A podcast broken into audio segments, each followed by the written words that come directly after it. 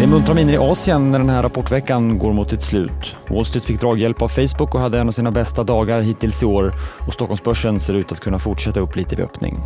Det är fredag den 28 april. Du lyssnar på det i Morgonkoll och jag heter Alexander Klar. De asiatiska börserna stiger på bred front. Hongkongbörsen, Fastlandskina och Japan är alla upp nästan 1% Och Från Japan har vi fått ett väntat räntebesked. Man behåller sin minusränta och man fortsätter att köpa tillräckligt med statsobligationer för att hålla den tioåriga statsobligationsräntan nära 0 det var en enig direktion under ny ledning som också sa att man kommer att fortsätta med räntekurskontrollen, yield curve control, så länge det är nödvändigt för att nå inflationsmålet på 2% Men samtidigt sa Bank of Japan att man kommer att genomföra en bredare översyn av penningpolitiken som kommer ta runt ett till ett och ett halvt år. Japanska räntor sjunker något och valutan, den japanska yenen, tappar lite mark. Wall Street hade en riktigt bra dag igår. Nasdaq ledde uppgången, stängde upp plus 2,5 procent. S&P 500 var upp 2 procent. Och det var Facebooks moderbolag Meta som ledde uppgången. Aktien steg nästan 15 procent på sin rapport. Och aktien har nu stigit 98 procent bara i år. Amazon stod för en riktig vinstkross när man släppte sin rapport efter Wall Streets stängning. Resultatet var nästan 50% bättre än väntat. Samtidigt guidade bolaget lite mindre än vad marknaden hoppats på framåt och man sa bland annat att tillväxten för den viktiga molnverksamheten skulle bli något lugnare då man märker att kunder är lite mer försiktiga. Aktien rusade initialt men föll sen och var ner i efterhanden.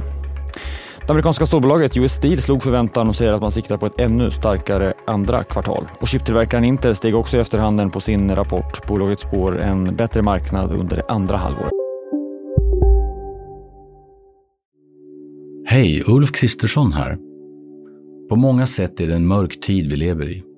Men nu tar vi ett stort steg för att göra Sverige till en tryggare och säkrare plats. Sverige är nu medlem i Nato. En för alla, alla för en. Sverige såg inte fullt lika många rapporter idag, men fortsatt många bolag som rapporterar sina inledande tre månader av året och vi har precis fått fastighetsbolaget Diös siffror. De totala intäkterna steg med nästan 20 procent och landade på knappt 620 miljoner kronor och förvaltningsresultatet tappar ungefär lika mycket och landade på 220 miljoner kronor. Man skriver också ner värdet på fastigheter på nästan en halv miljard. På tal om fastigheter så visar Danske Banks boprisindikator att priserna på bostadsrätter i Stockholm steg med drygt en halv procent i april. Speciellt steg priserna på lägenheter i storleken 70 till 80 kvadrat enligt indikatorn som bygger på statistik från Hemnet. Precis som tidigare i veckan sänder DTV Rapportmorgon idag med start kvart i åtta och intervjuar flera av dagens rapporterande bolag. Förutom det görs vd Knut Rost, bland annat SBBs Ilja Battlan och vi pratar också med Hexagon, SCA och Electrolux under dagen. Idag håller vi också koll på BNP-tillväxten för euroområdet som väntas komma in på nästan 1,5 procent för det första kvartalet. Och i eftermiddag klockan halv tre kommer inflationssiffror från USA. PCE som Fed brukar kolla på väntas komma ner marginellt från vi såg förra månaden och komma in på 4,5 procent. Missa inte heller att det nyligen släppts ett nytt avsnitt av Digitalpodden. I veckans avsnitt handlar det om Spotify som lyckats tredubbla antalet användare på fem år. Den tiden man också varit listad på New York-börsen. Men bolaget är fortsatt inte lönsamt och samtidigt har man återköpt aktier genom åren. Johannes Karlsson och eh, Jonas Lejonhufvud gräver ner sig i de senaste siffrorna som kom i veckan och har också intervjuat Spotifys VD Daniel Ek. Ni hittar podden på sajten eller i er poddspelare. Missa inte heller Börsmorgon som vanligt start kvart i nio eller lyssna på den som en podd. Den släpps klockan elva. Jag heter Alexander Klar.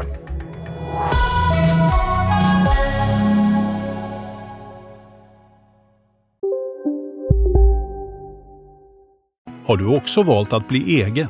Då är det viktigt att skaffa en bra företagsförsäkring. Hos oss är alla småföretag stora och inga frågor för små. Swedeas företagsförsäkring är anpassad för mindre företag och täcker även sånt som din hemförsäkring inte täcker. Gå in på swedea.se företag och jämför själv. Expressen gör varje vecka podden Politikrummet där vi djupdyker i det senaste och viktigaste inom svensk politik. Med mig, Filippa Rogvall, som programledare tillsammans med mina vassa kollegor. Och det är ju ni som heter Thomas Nordenskjöld, Anette Holmqvist och Viktor Bartkron. Politikrummet kommer med ett nytt avsnitt varje tisdag. Vi hörs.